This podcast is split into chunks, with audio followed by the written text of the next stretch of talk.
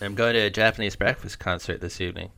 Is that a band Yeah. or a style of concert? What is Japanese breakfast? Well, it makes a style as a style of concert. It seems like it would be like really like kinky or something. Then, like, I think like, it'd be uh, very ordered. It seems like it'd be uh, not quite cabaret style, but you do go to a table and you kneel at the table. Well, I'm not a crook.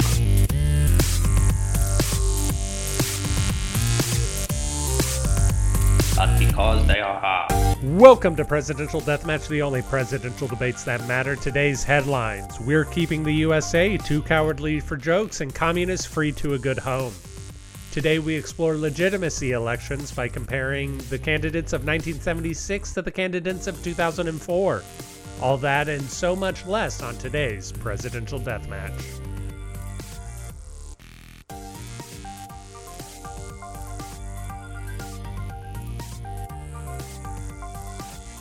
Turns out, uh, the secret to me liking music is put brass in it. Who knew?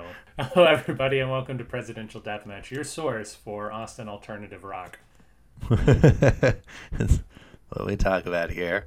Yeah, we really don't know what the audio quality is going to be like today because right before recording, my microphone decided to stop working, so I'm recording on both my computer and my uh, my field recorder, and we'll see whether the field recorder picks up too much of the fan or not. uh, but we've got a really big episode today, don't we, Dennis? I don't know. Sorry, please answer the question before I continue to go on a tirade. Totally. Yeah, I thought so. Today we're talking about legitimacy elections. We're talking about the election 1976 and the election of 2004. Uh, both of the we're going to talk about why we're going to talk about these elections. But I thought we're going to look at all the candidates of 1976. There are a lot of them, but I bet a lot of them are just like really small potatoes people who ran for the Vermont maple syrup party and it's just yeah. some guy on a farm.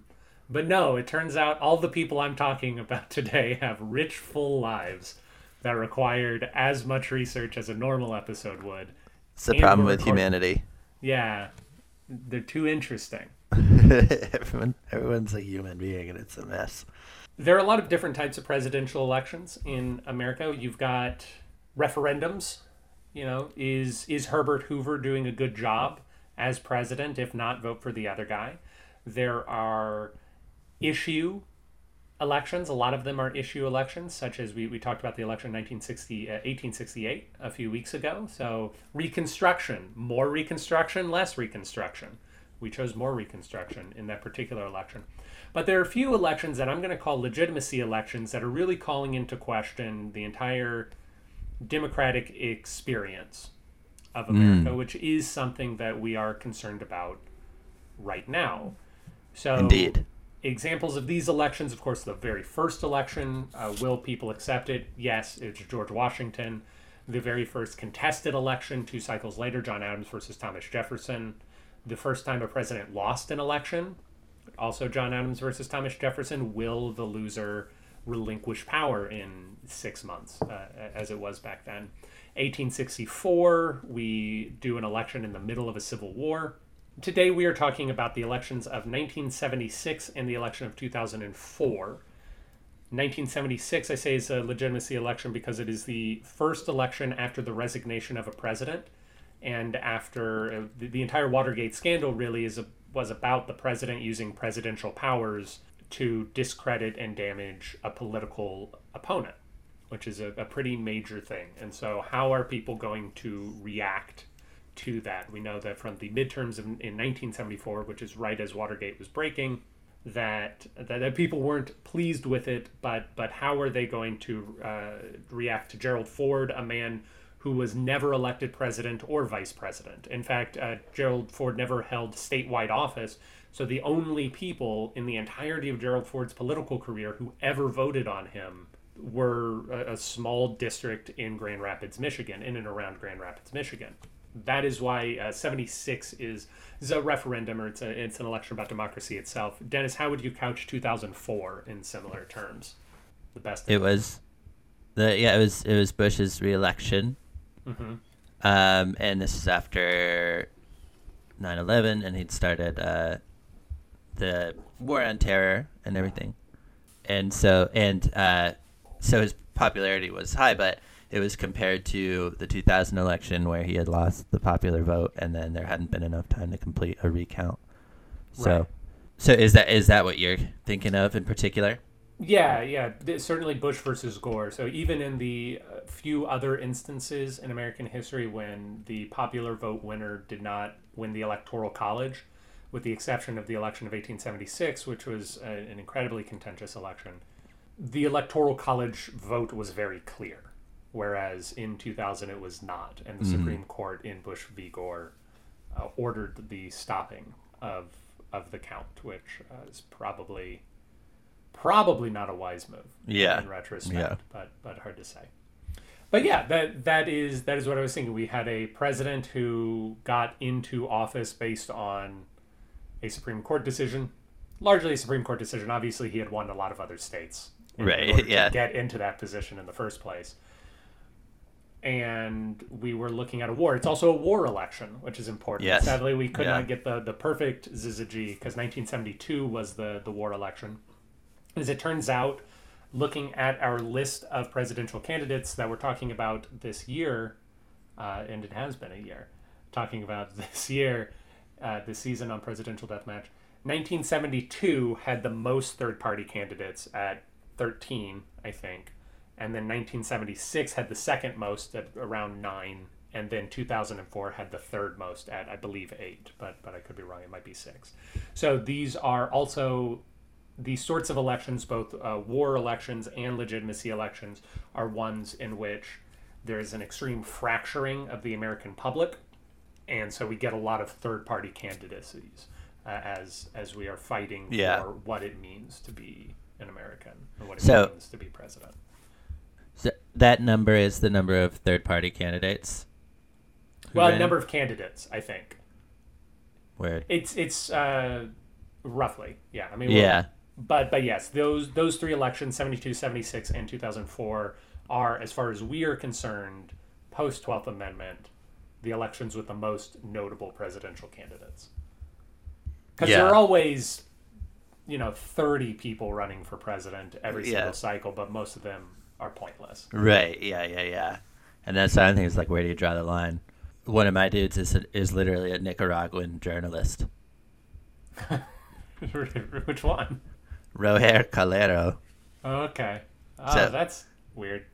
Yeah, he ran for the Socialist Workers Party and uh, got ten thousand votes, but seven thousand were actually not for him since he wasn't a real candidate. They were for his like second, yeah and then three thousand were for him, but none of it mattered because because he couldn't be president. No, he couldn't be president. That's sort of we haven't talked about Victoria Woodhull. She's one of the ones that I feel is that we're constantly saving because we we want to luxuriate in discussing her. Yeah, But but she ran when she was 33, so it didn't even matter if she got everything she wanted. She was not going to be president.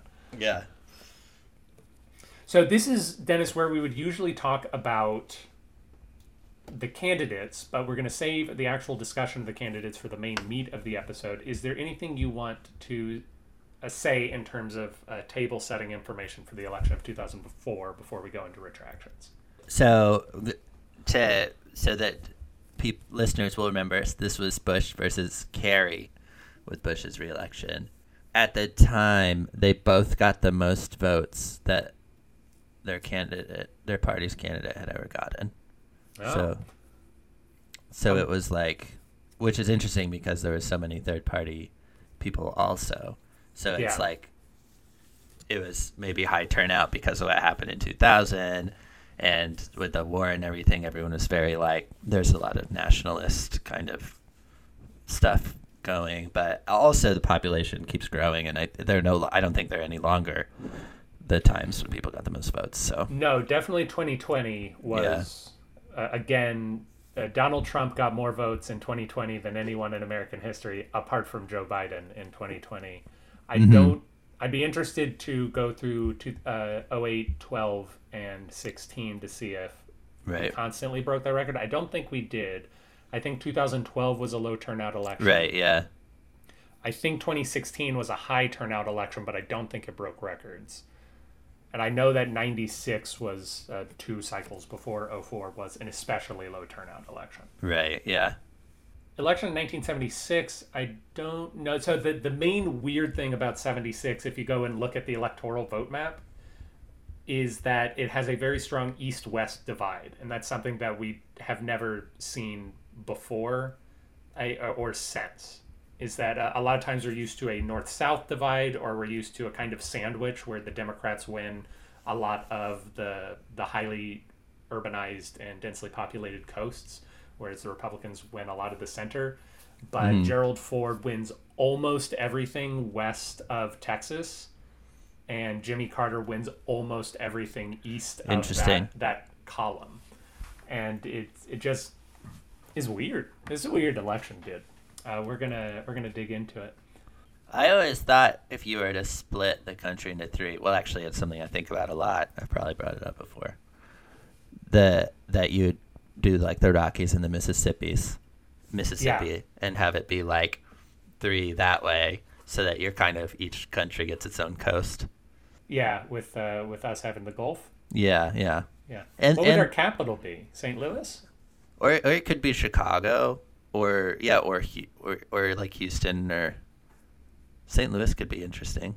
They usually it, it's odd. People talk about demographers and things about how people place capitals Right. which is almost always in the center of the state because almost always the people on the west side of the state dislike the people on the east side of the state and the only compromise they can do is someplace roughly in the middle.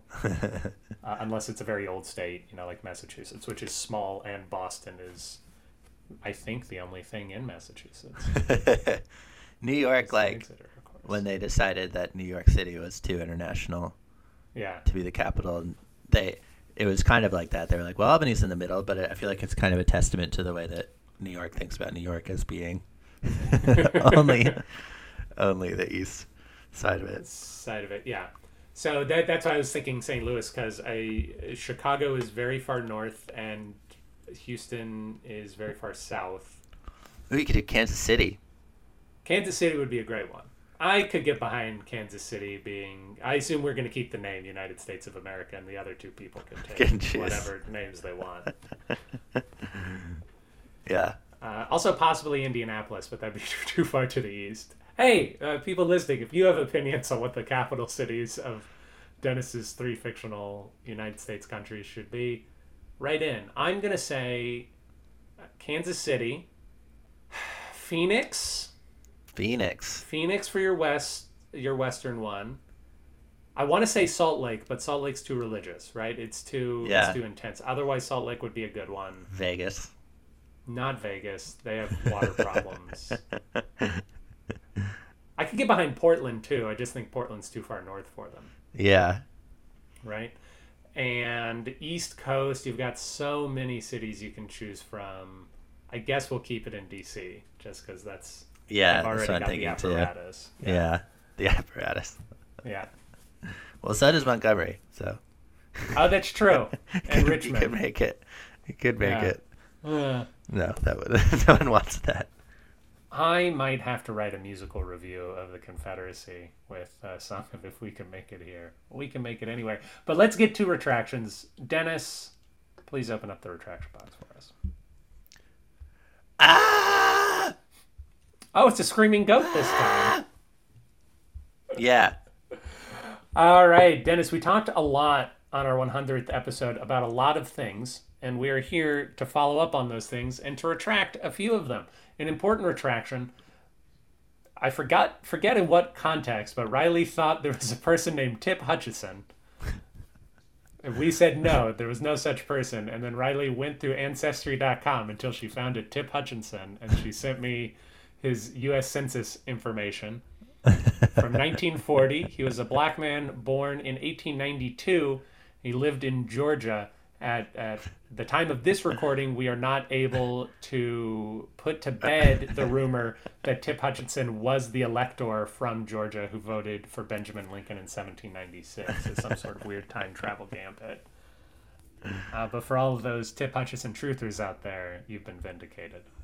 Wow. That's funny. We talked that about- was weird. she was like, "Oh, Tip Hutchinson." Tip Hutchinson. No.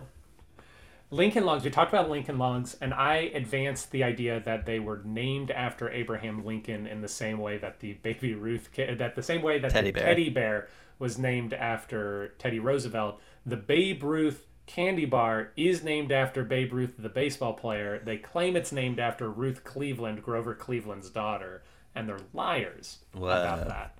Yeah, presumably they just didn't want to pay Babe Ruth royalties, and so they said it was named after this baby who had been born 25 years previous to the creation of the candy bar. But we don't have time to talk about that story today. Lincoln Logs were named after Abraham Lincoln. They were invented in 1916, which is about 50 years after Lincoln's death. They were invented by John Lloyd Wright, who, of course, is the son of Frank Lloyd Wright. Wow. In 1999, Lincoln Logs were inducted into the National Toy Hall of Fame, which meant that I went and looked up the National Toy Hall of Fame. Dennis, some other toys in the Toy Hall of Fame a stick, and last year, sand was inducted into the National Toy Hall of Fame. What? so it's a it's a bold brethren. That's Uh. It's, it, being Frank Lloyd Wright's son makes me kind of think of like the Kardashian kids starting makeup companies. It's Yeah, like, that makes sense. it's like expanding on the brand in a way that's very accessible. Yeah, yeah, for sure. Also, slightly disappointing. yeah, yeah, yeah. Yeah, no, I know. My dad built great, big, interesting houses. Someday I'm going to be in a Hall of Fame too. Just you wait. Just you wait. Dennis, during the 100th episode, you were teasing us with the idea that we got the politician Al Smith because of Martin Van Buren, but I don't believe you ever actually walked us through the logic of that statement. To now. Oh man. Um, what what was Al Smith's deal? I feel like I need to. I really need to transport my mind to remember what I was back, back to a few weeks ago. So Al Smith was a governor of New York. He was a Catholic. He Oh, was that's what it, that's probably what it was. okay. Something with Martin Van Buren, like, did a bunch for Catholics. I think.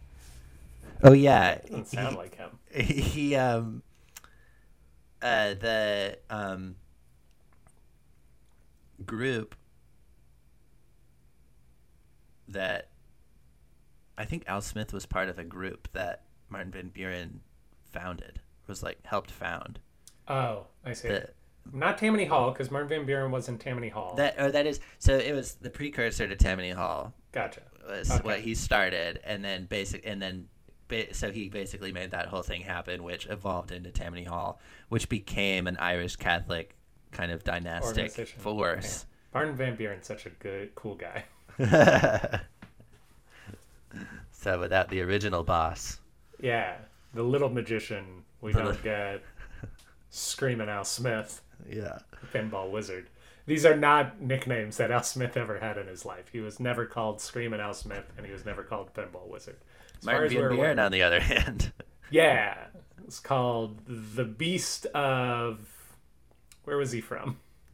The, it Uh, started old with a P. Kinderhook. Kinderhook, yeah, the Beast of Kinderhook.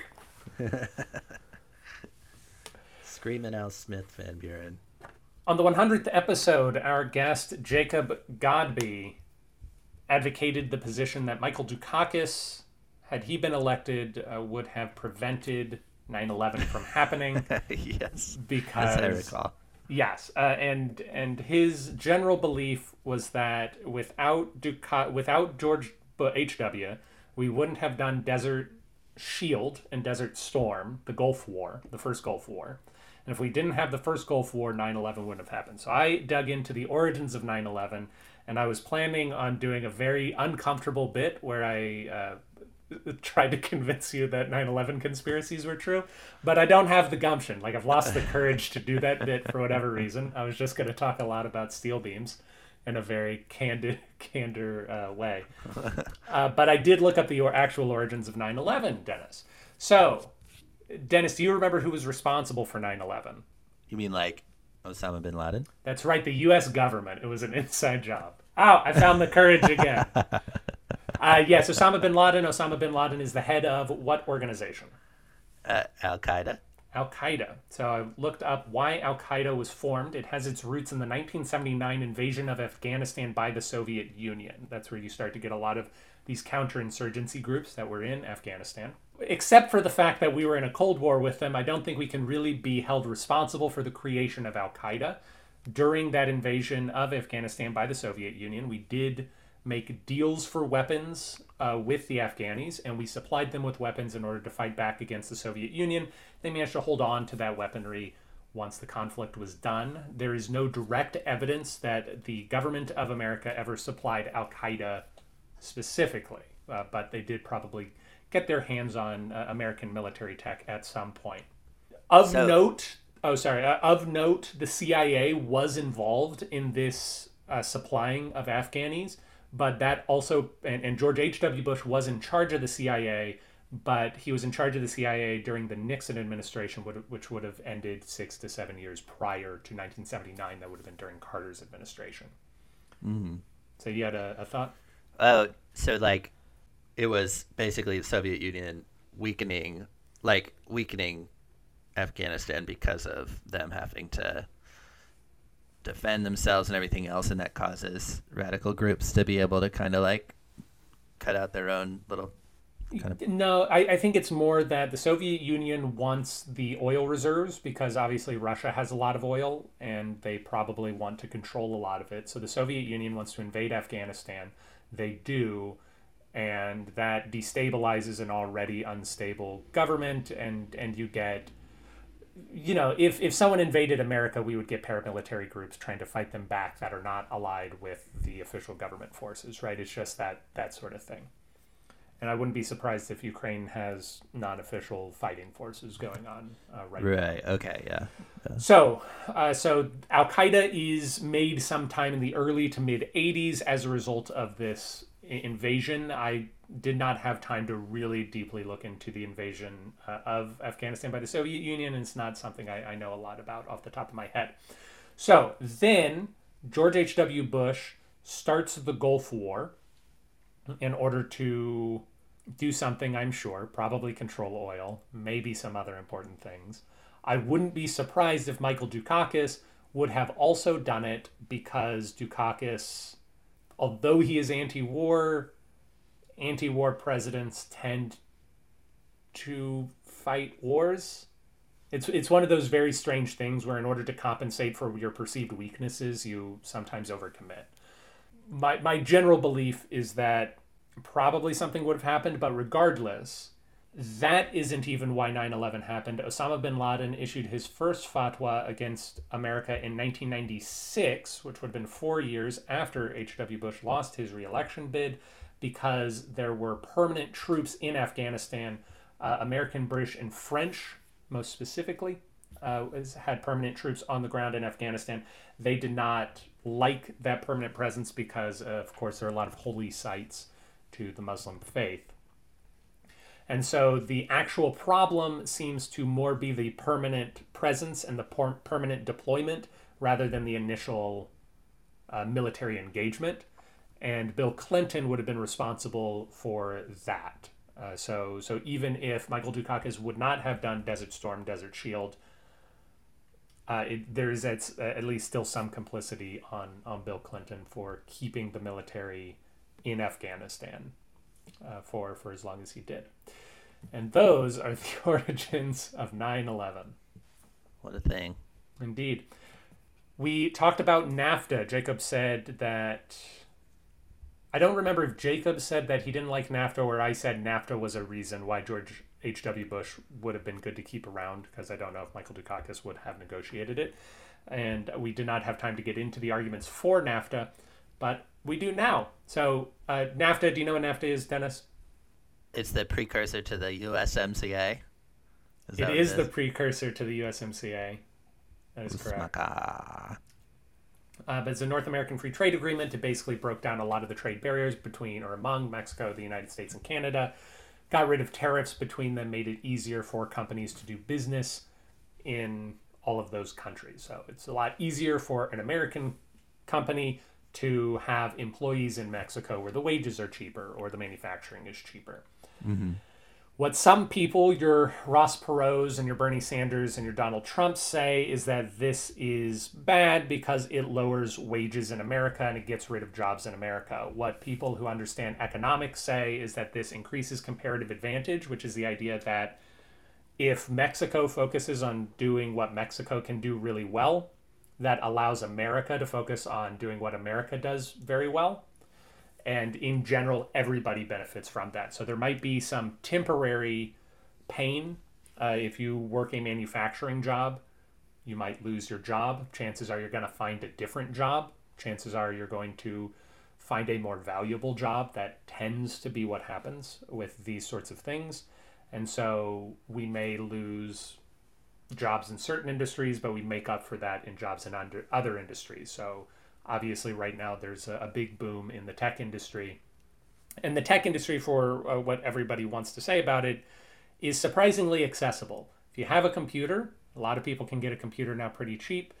A lot of the tools are online and for free. A lot of the education is online and for free. If you are willing to go through that you can get yourself a, a really good job that is almost certainly better than a manufacturing job in terms of the cost on your body etc and what it leads to is better quality products, better quality services, and lower prices for everybody.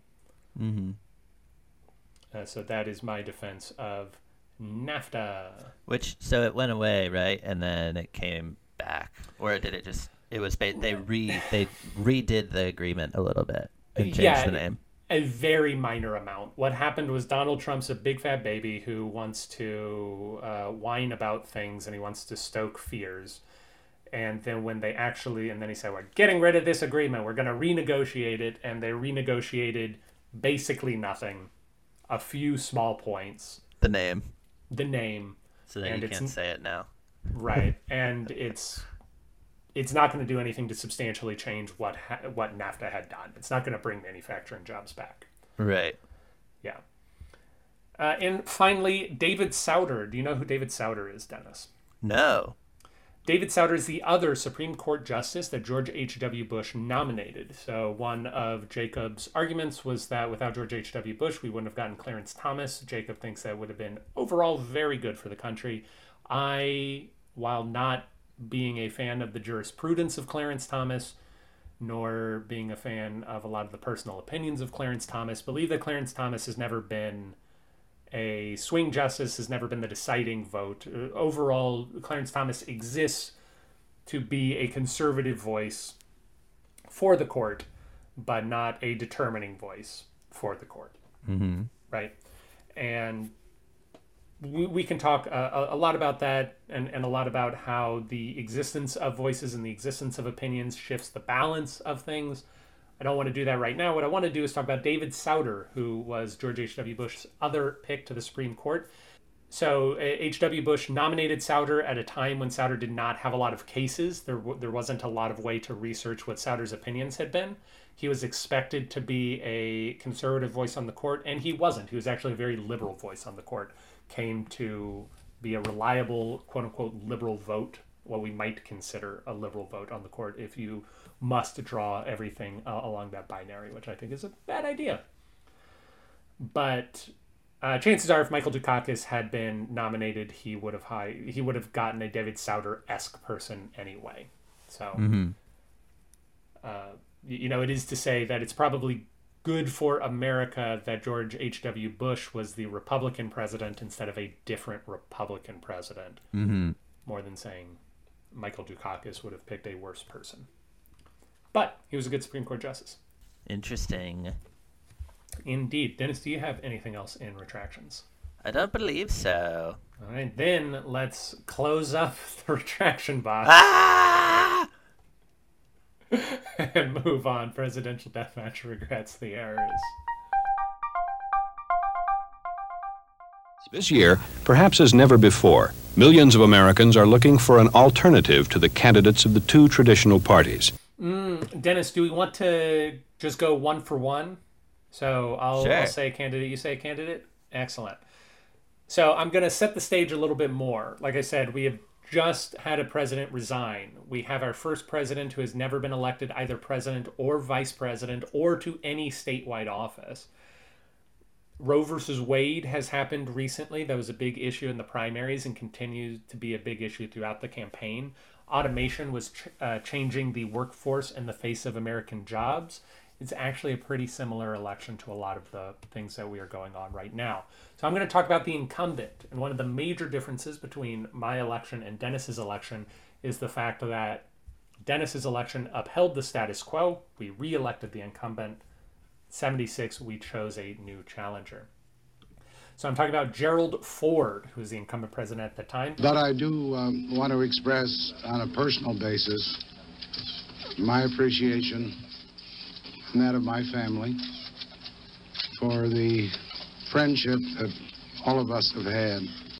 He was making headway in the polls at the close of the election, which is really impressive. He lost by two percentage points nationally. Uh, Carter got about 50%, he got about 48%. He started at a 33 point deficit. So he was down, like Carter had 73% in the polls or 67% mm. of the polls. And, and Ford was at like 33, 34 at the in August. So it's a really impressive comeback yeah. for Ford. And a lot of people say that if Ford had another week or two, he he probably would have won. He won seven more states than Jimmy Carter, and he holds the dubious honor of winning the most states of a losing candidate. It's one of the times, one of the few times in American history where someone won more states but did not get the requisite number of electoral votes in order to win. Yeah.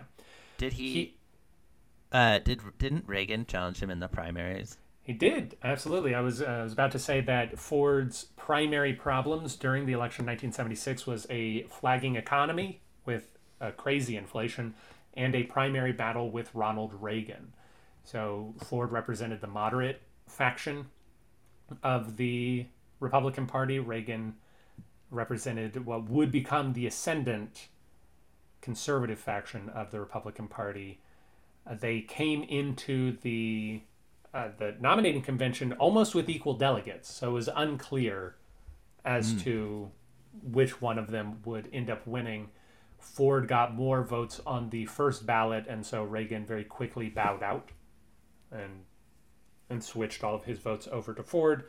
But Reagan ended up having what many consider to be the, the most rousing speech at the convention, which set the stage for him winning. Interestingly enough, I was going to save this uh, until later, but now that you have brought Reagan up, Reagan would actually get an electoral vote in this election. One of Washington's electors who was pledged to Ford ended up voting for Reagan instead.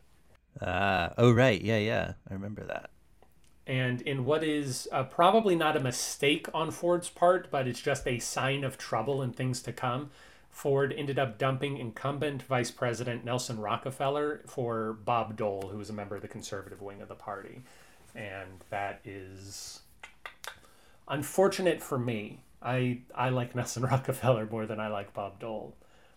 But, uh, but I think it demonstrates how, how powerful the conservatives were becoming and how endangered people like Gerald Ford and Nelson Rockefeller were going to be in a, a few short years mm-hmm. in the Republican Party. Who was your incumbent? The incumbent was George H.W. Bush. Nope. Who, or what? What do you mean by incumbent? Uh, the George W. Bush. You said H. W. Oh, so, oh, sorry, sorry, George W. Bush.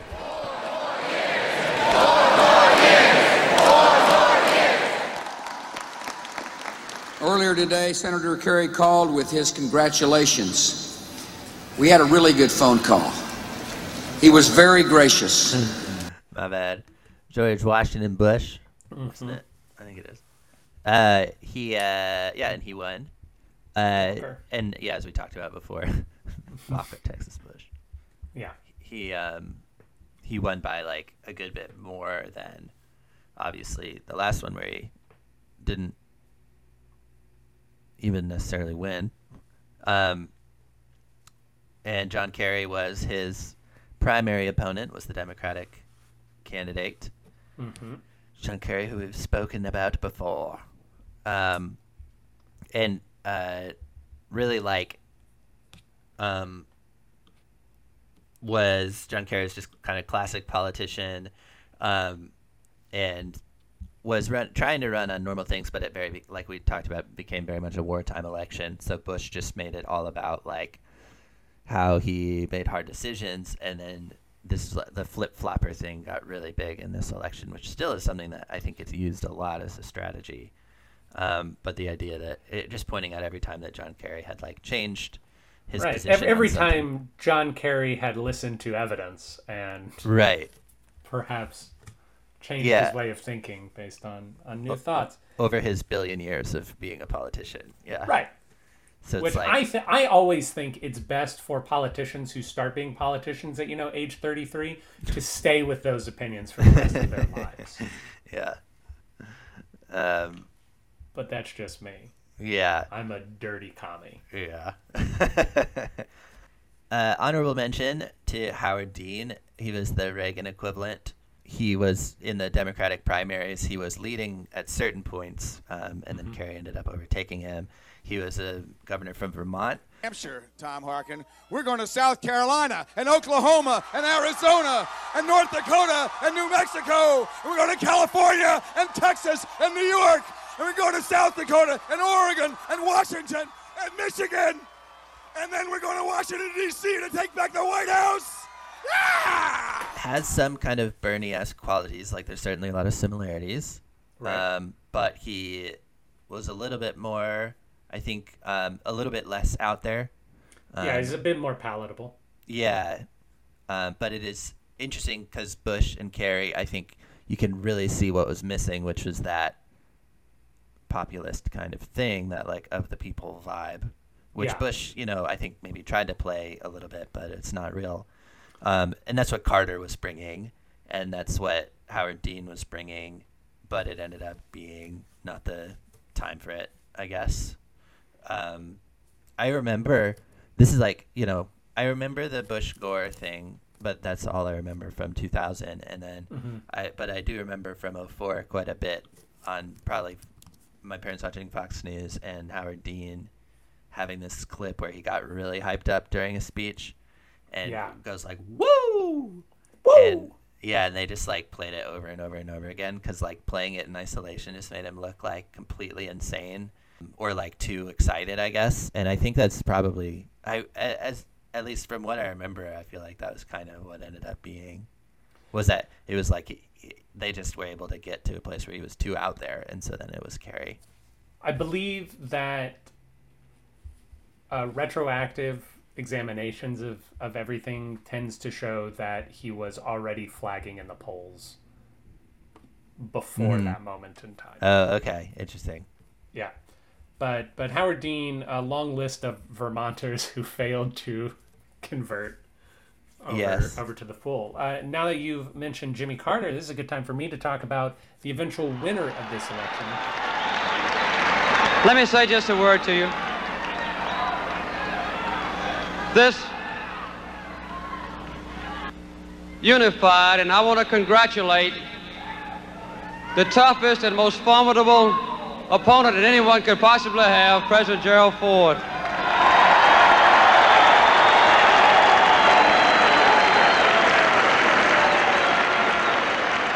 James Earl Carter. He was an unknown at the outset of the campaign, which really helped him separate uh, himself from the distrust in Washington. He was able to say, I'm from outside Washington. Heck, you hardly even know me. He was seen as perhaps too conservative. In fact, he was seen as more conservative than Gerald Ford was. And a lot of people feared that it- basically his southern roots would make him unpalatable to the northern Democrats, mm-hmm. who I I think this is true that Jimmy Carter is the first president elected from a former Confederate state without already being president. Lyndon Johnson was president, but he ascended to the presidency. Right? So he already was president before he got voted to be president. Uh, whereas uh, Jimmy Carter is the first guy since the Civil War to directly be voted into president from a former Confederate state, which is a pretty long time 116 years. Yeah. Mm, yeah. Oh, and some uh, just some random trivia about this election. Besides the East-West divide, I, I had already said this is the only time that a Democrat won without New Mexico, without winning New Mexico, and this is the last time that a Democrat won without California. California ended up going to Ford. It is also the last election that showed the vestiges of the old Solid South, with every southern state, including Texas, voting for Carter. So Uh, yeah. uh, Bill Clinton would be the last Democratic president to win two southern states. He won Okay. Arkansas and I don't remember the other one. And So it, it's kind of back to being the solid South a little bit. It's just yeah, the other yeah, way. just in the opposite way. Although uh, Georgia uh, went for Biden this last time. Georgia. Very attractive shade of blue. I remember on Google. One Uh, another interesting thing about this election was it was uh, the bicentennial election, ni- uh, 1976, 200 years after the signing of the Declaration of Independence, and Ford really used that to his advantage to to make himself seem presidential by not campaigning and just doing a whole bunch of bicentennial stuff. And he didn't actually leave the White House to campaign until October, but he was cut, they were bringing the the royals over, uh, our dearly departed Queen Elizabeth and Prince Philip, uh, my monarchs, of course. Uh, and and they were doing all sorts of uh, other things. King consort. Queen consort. Indeed. So Dennis, there are a lot of parties that ran in the election of 1976. There are a lot of parties that ran in the election of 2004. They're not a lot of the same parties. But there is at least one party that is the same, and that's the Libertarian Party. You have previously talked about Libertarian candidate Michael Badnarik, but can you remind us of him? We were on the ballot in 48 states. We raised a million dollars by election day, and uh, I went from obscurity at the convention to winning 400,000 votes nationwide. So I, I consider that a very, very successful campaign. Yeah. Um, he is. I think what people remember is that he is a tour guide on the Riverwalk in San Antonio. Yeah. As of present, he was. He's a Czech guy. Um, Hates which credit is why. I chose him for the Kolachi episode. Yeah, and he's he's kind of. I would assume that he. I don't know because he seems like a pretty n- nice dude. He seems like he's a ex- he's like an intense enough person that he might be with the new libertarian. Like he might still be kind of into the whole libertarian thing with a new squad. I think so because he refuses to get a driver's license because he thinks that the government has no right to regulate that. Right. Yes, and yeah, all of all that stuff um, that you think of with like the kind of like anarchist kind of end of libertarianism. Yeah. Um, but I, I would bet that he he's a little bit more live and let live like than the because like the current liber- the libertarian party as it exists now is getting a little bit into like um, this kind of conserv that conservative extremism stuff. And I don't know if he'd be Oh as into that. no! Breaking news, Dennis. Michael Badnarik no longer a tour guide on the Riverwalk in San Antonio because he died August 11th. Oh no, that's so recent. It is. Uh, Well, well, may he rest in peace. that's a very real interesting guy. Yeah. He was one of two dudes in my list who um, was arrested for protesting not being able to be part of the debate, Oh, interesting. the Bush Kerry debate. My. Oh, sorry. Go ahead. Uh, I was just say the other one being, I think, I well, I'm I'm not sure. I need to go remember. I think it's David Cobb. Uh, he wrote his own obituary. Michael Yeah. Badnarik. I may look into that in just a moment, but the Libertarian candidate in 1976 was Roger MacBride. He was briefly mentioned in our survey of the Libertarian Party. There's nothing complicated about inflation. Inflation is just an increase in the money supply prompted by Washington. There are those who say inflation is the result of greedy businessmen or greedy consumers or greedy labor unions, but of course it's not. Inflation is just what the word implies it's an inflation of the money supply, which impoverishes every single one because of he was the elector, the Republican elector pledged to Nixon, who ended up voting for the Libertarian ticket in 1972. Uh, So after he did that in 1972, he started getting more popular in libertarian circles, so they nominated him for their presidential candidate. He did pretty poorly. So despite the fact that 76 had tons of third-party candidates, sort of like 2004, nobody did well. Nobody Yeah, got more than a yeah. million votes uh, across the country. So Roger MacBride is going to be the first of many people I'm going to talk about today whose presidential run is the least interesting thing about them. But let me just uh, just go uh, through this. So, in his electoral history in 1962, he's elected to the Vermont House of Representatives as a Republican. He serves one term there. In 1964, he unsuccessfully runs for nomination to the Republican governor. Uh, uh, the, he runs for nomination in the primaries, fails to get the Republican nomination as a Rockefeller Republican. So, who's the vice president in 76, of course.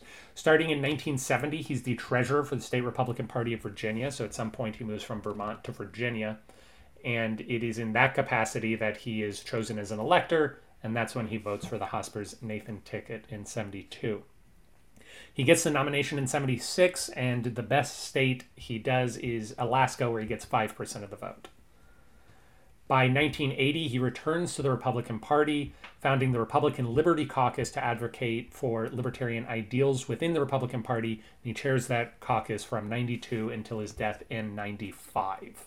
So that is his political history. Here's the actual cool stuff about Roger MacBride, though. Uh, Dennis, I'm going to ask you uh, many times today where you think these people got their money from. So just give the craziest guess that you can for where you think Roger MacBride got his personal fortune.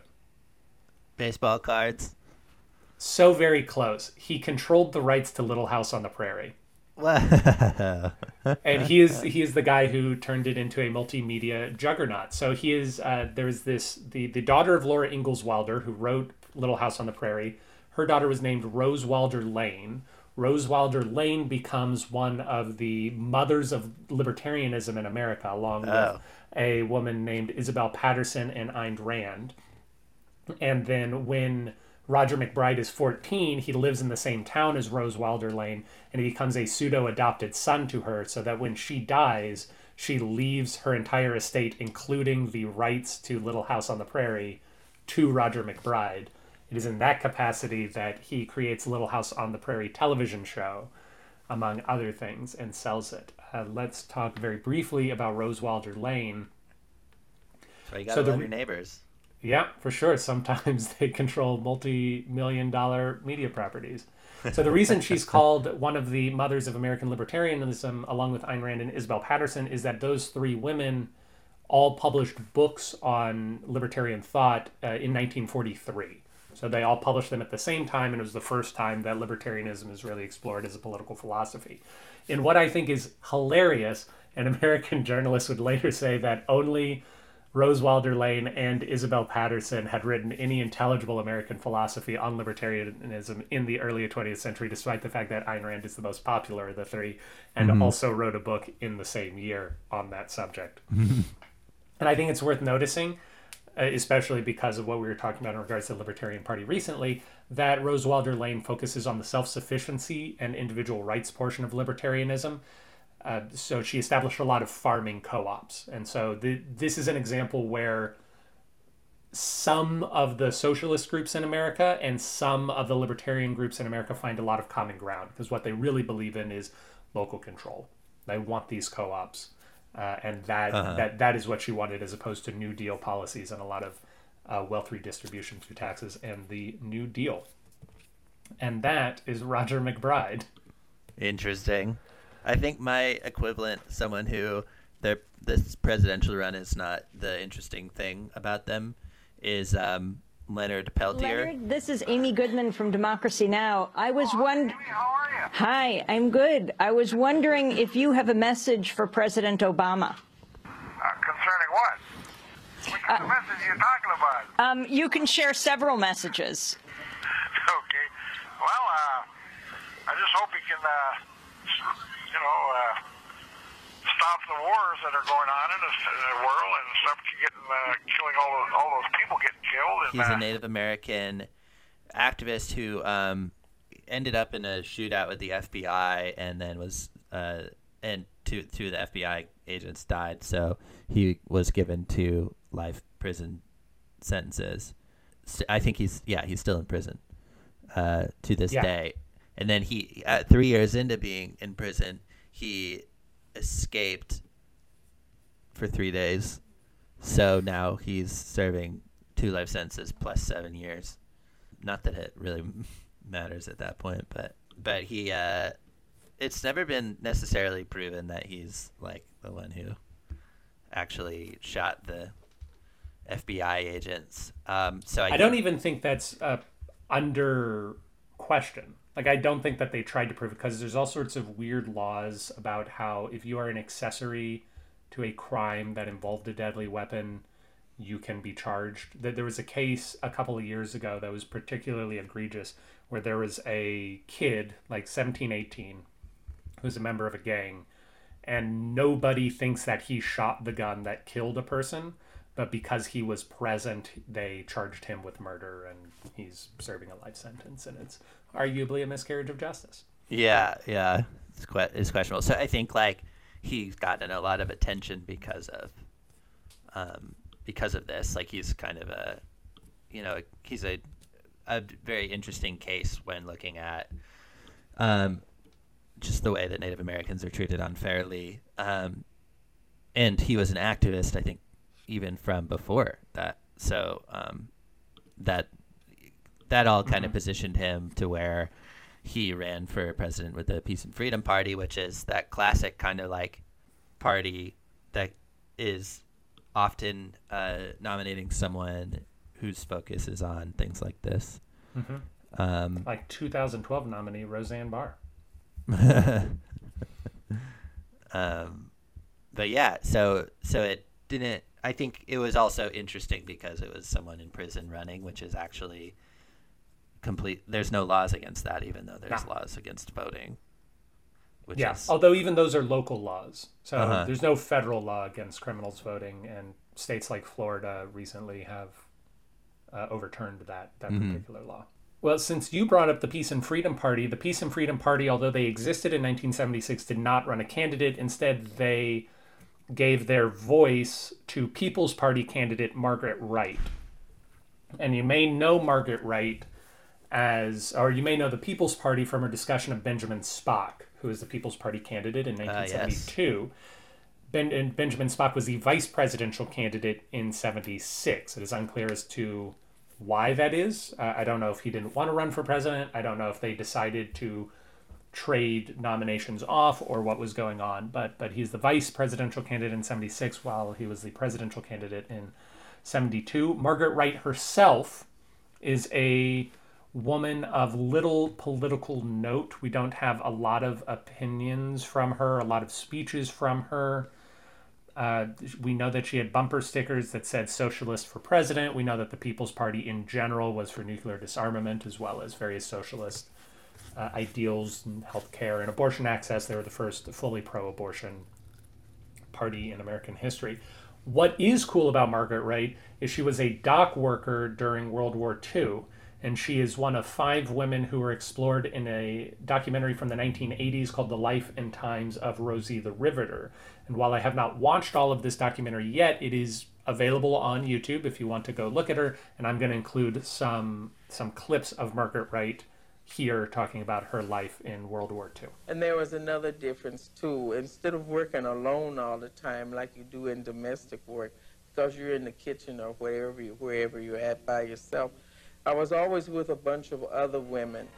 There were more articles in there about raising your children and the psychological development of your children. They never mentioned that, you know, in any psychological development before the war.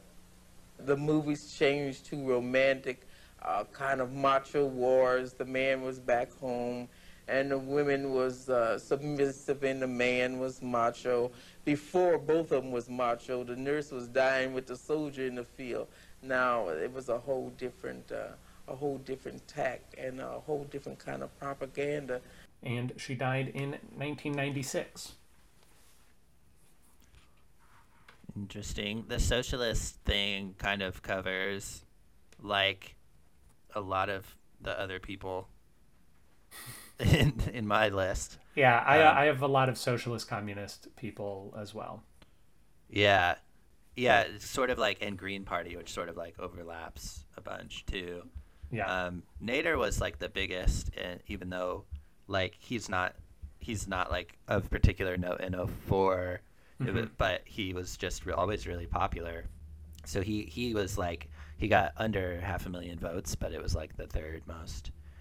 Um, and it was just independent, but there was like he did talk about getting the Green Party nomination, um, but then which he had done four years earlier, but then David Cobb ended up doing that because Nader wasn't committed to like all the lining up on all the things, and Right. um, and Dave, so then David Cobb said, "Oh well, you know, Green Party will support you, Nader, if you like agree to three of my points on my on this like twenty page document of points." I don't believe that we can get to the world that I want to live in, one that's based on peace and justice and democracy and ecology, sustainability. We can't get to that world by tinkering at the margins of a fundamentally racist, sexist, class oppressive society. And Nader was like, "No." Nah. So so then he was like, "Fine, I'm running," and he did ninety percent worse than Nader had done in the previous election. So it's like Nader was just kind of yeah popular He was a cool guy. Yeah. Do you know who Nader's vice presidential candidate was in 2004, Dennis? Um, I could look it up very quickly. Yeah. Oh no, I don't know. It was a man named. Uh, no, no, he did have one. It was a man named Peter Camejo. and Uh, do you know why Peter Camejo is important? It sounds familiar. Uh, it may sound familiar because he ran in 1976 for president of the Socialist Workers' Party. Because he's here in the work Indeed, and I am about to talk about him. But yes, I was very excited to learn that he was Ralph Nader's running mate in 2004. So that's one connection between our two years. He died four years later in 2008. In 76, he was a candidate of the Socialist Workers' Party, which uh, we may, we'll we'll probably, we'll definitely do a full episode on the socialist movement in America. But there are a lot of socialist parties, so I don't yet know whether we're going to, which parties we're going to talk about during that time. So the Socialist Workers' Party is currently considered uh, communist, and that particular party liked supporting worker strikes and uh, currently supports uh, Cuba. And uh, in, in general, Peter Camejo also supported the Castro regime pretty intensely. He is of Venezuelan descent. His parents are both Venezuelan, although he is American. And he competed in the 1960 Olympics as a sailor for Venezuela uh, where he placed 21st. The Soviet Union took first place in sailing that year. America took third, if anyone is interested. Uh, previous to the presidential election of 1976, Peter Camejo tried to realign the Soviet Workers' Party with students, and he was only 36 when he ran in 1976, and so he would have been in his 60s or so by the time 2004 ran around. He was expelled from the party in 1980 when he became uh, when he came to believe more in democratic socialism over uh, proletarianism, um, which basically meant that the Socialist Worker Party at the time wanted you to get a job in a factory and they wanted you to be a real blue collar person and inspire the the proletariat to rise up, whereas he came to believe things more akin to a Bernie Sanders esque figure, where the important thing is to uh, to to use democracy to establish uh, socialism norms, uh, and then use that the power of the state to take over things. So uh, basically, more of a top down change into socialism than a bottom up. And so he was expelled from the Socialist Workers Party. So he became a member of the Green Party. He worked to, he was one of those guys who worked to try and get Ralph Nader the Green Party nomination. When Ralph Nader wouldn't do it, he left the Green Party. Uh, and he described himself as a watermelon, green on the outside, red on the inside. Uh, he feels like one of the many people this week that could have been uh, really interesting to spend more time with, Peter Camejo. Mhm. But there are people who are even more interesting to spend time with, who we will get to soon. oh yeah, all those people are like Socialist Party, but also Green Party and all that. So it's very much like between those a lot of time. I feel like, but Walt Brown is another one who ran, and he was the Socialist Party one. He was an Oregon senator, and when he ran, uh, he did better than any Socialist Party candidate since 1952 and maybe that's the best that they've done since as well. I think so. We haven't had a great socialist movement in America in some time. Yeah, and that was ten thousand votes. So it was like, Whew.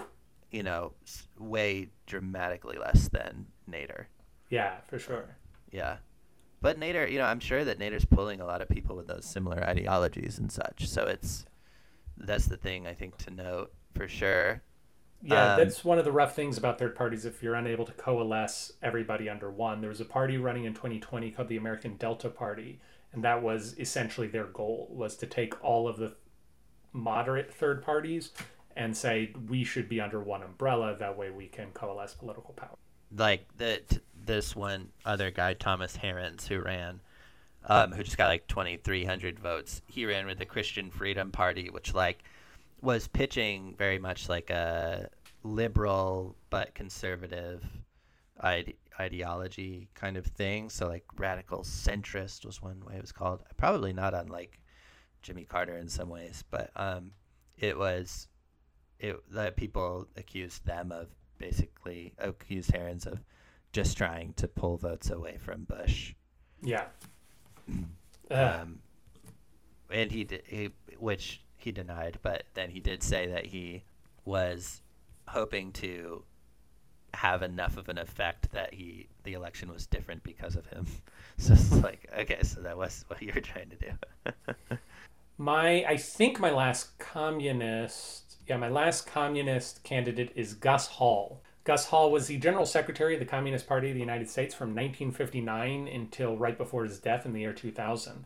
During that time, he was their candidate for president four times, beginning in 1972, but 1976 is the election in which he did his best at something like 10,000 votes or 20,000 votes, a very small amount of votes. He was a victim of McCarthyism and he was sentenced to jail and served eight years in the early 50s. His first language was Finnish, which I think is a, a first for anybody. Ah. Yeah, his parents were politically active Finns uh, who immigrated to the United States, and they were early joiners of the CPUSA in the early 1920s. He was part of the Teamster strike in Minnesota in 1935. He became blacklisted after that and changed his name to Gus Hall. He had a very Finnish name before that. And he's going to be doing a lot of that over the course of his life. He's going to be trying to instigate strikes, dealing with them, and then they, sometimes they work, sometimes they don't. Two years later, he moves to Youngstown, Ohio, starts working at a Youngstown steel plant, and he's one of the first people to recognize steel's ability to be organized, and he convinced the CIO to put resources into unionization. This is going to lead to something called the Little Steel Strike of 1937.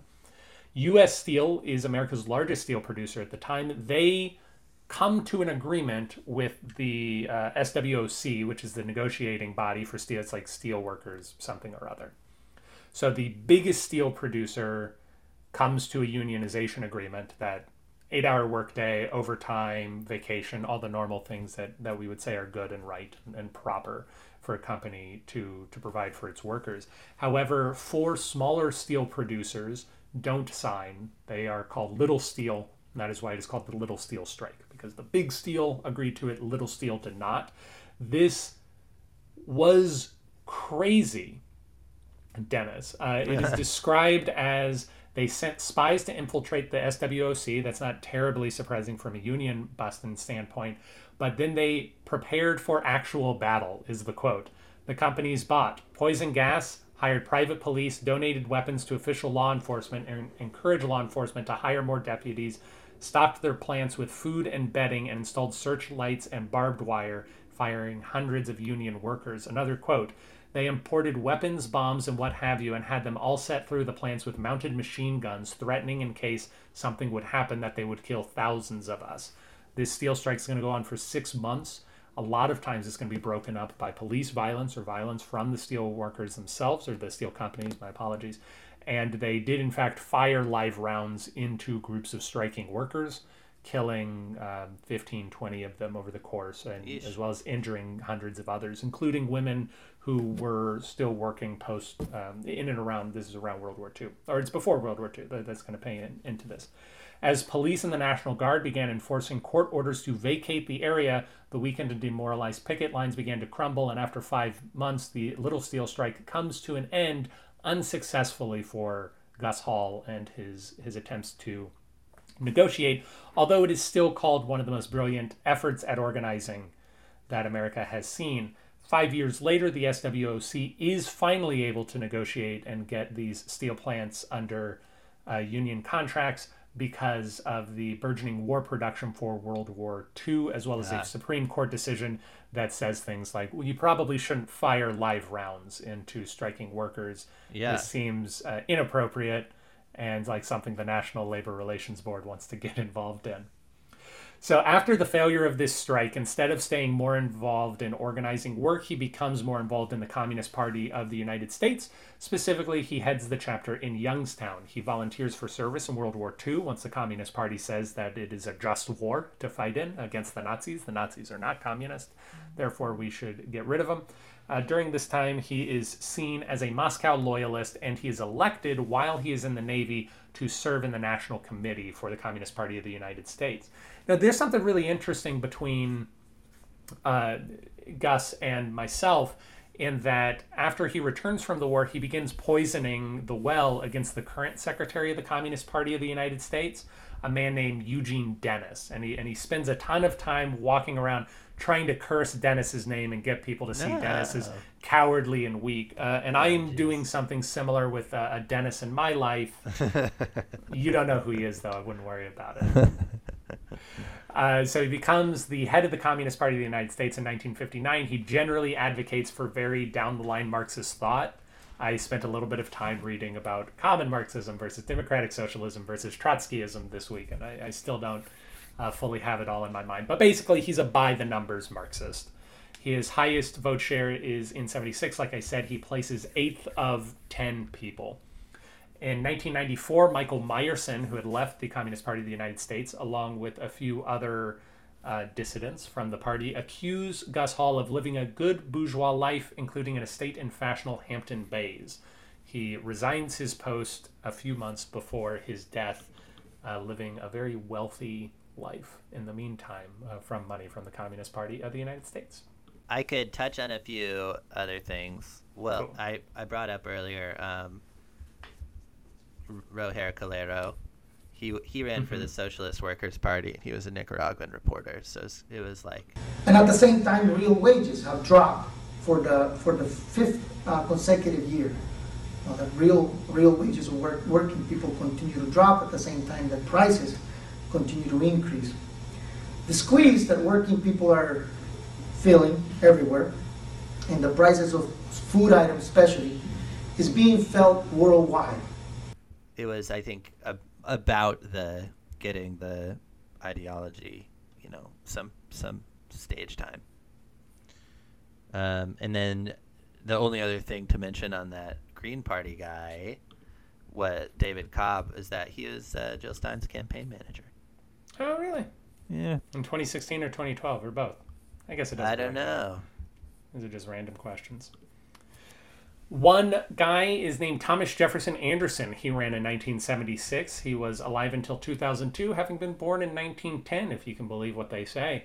He was a candidate of the American Independent Party, which is a factional split from the American Party. That split happened in 1976, and we're going to talk about the American Party candidate a little bit later on today basically the American Independent Party is a relatively conservative party that wanted to ditch the segregationism and white supremacy of the American Party. So, so we're, we're getting spicier as we go down. Uh, but they still maintain all of the Christian nationalism that they came to love so much. Right. Thomas Anderson had been the vice presidential candidate in 1972. Uh, he the seems to have, Party. yeah, he seems to have not left that much of an impression on history. He started his career publishing farmers' almanacs. Eventually, gets a syndicated column called Straight Talk in magazines. This turns into a radio show. I have a clip of the radio show here. If and when you graduate from college or from high school, that diploma does not mean you are educated. It means that you should now have enough appreciation of education to make you want to become educated. Uh, this allows him uh, free reign to talk about his, his very conservative views. A friend said this of him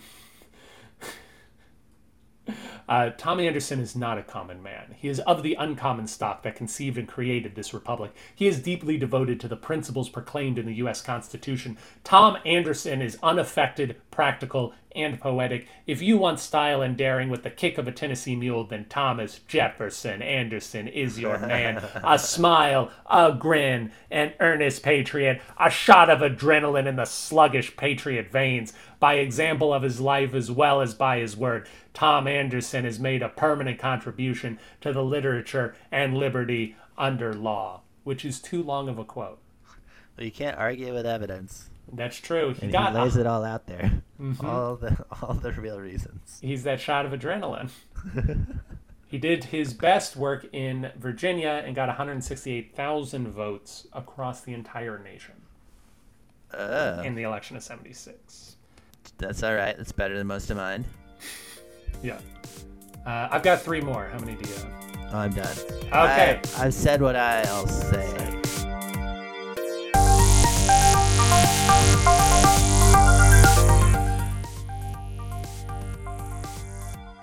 Thank you for listening to Presidential Deathmatch. Presidential Deathmatch is hosted by Aaron Garrett and Dennis Buddy and edited by Aaron Garrett. If you like the show, please consider giving us a review wherever it is. You can do that, we'd really appreciate it. If you didn't like listening to the show, well, why don't you come on back and give us another try? We really grow on you. If you want to reach out to us, you can do that at contact at pronoiatheater.com. You can also support the show in a variety of ways, including at pronoiatheater.com slash store. We hope you enjoyed it, and we hope to hear from you soon.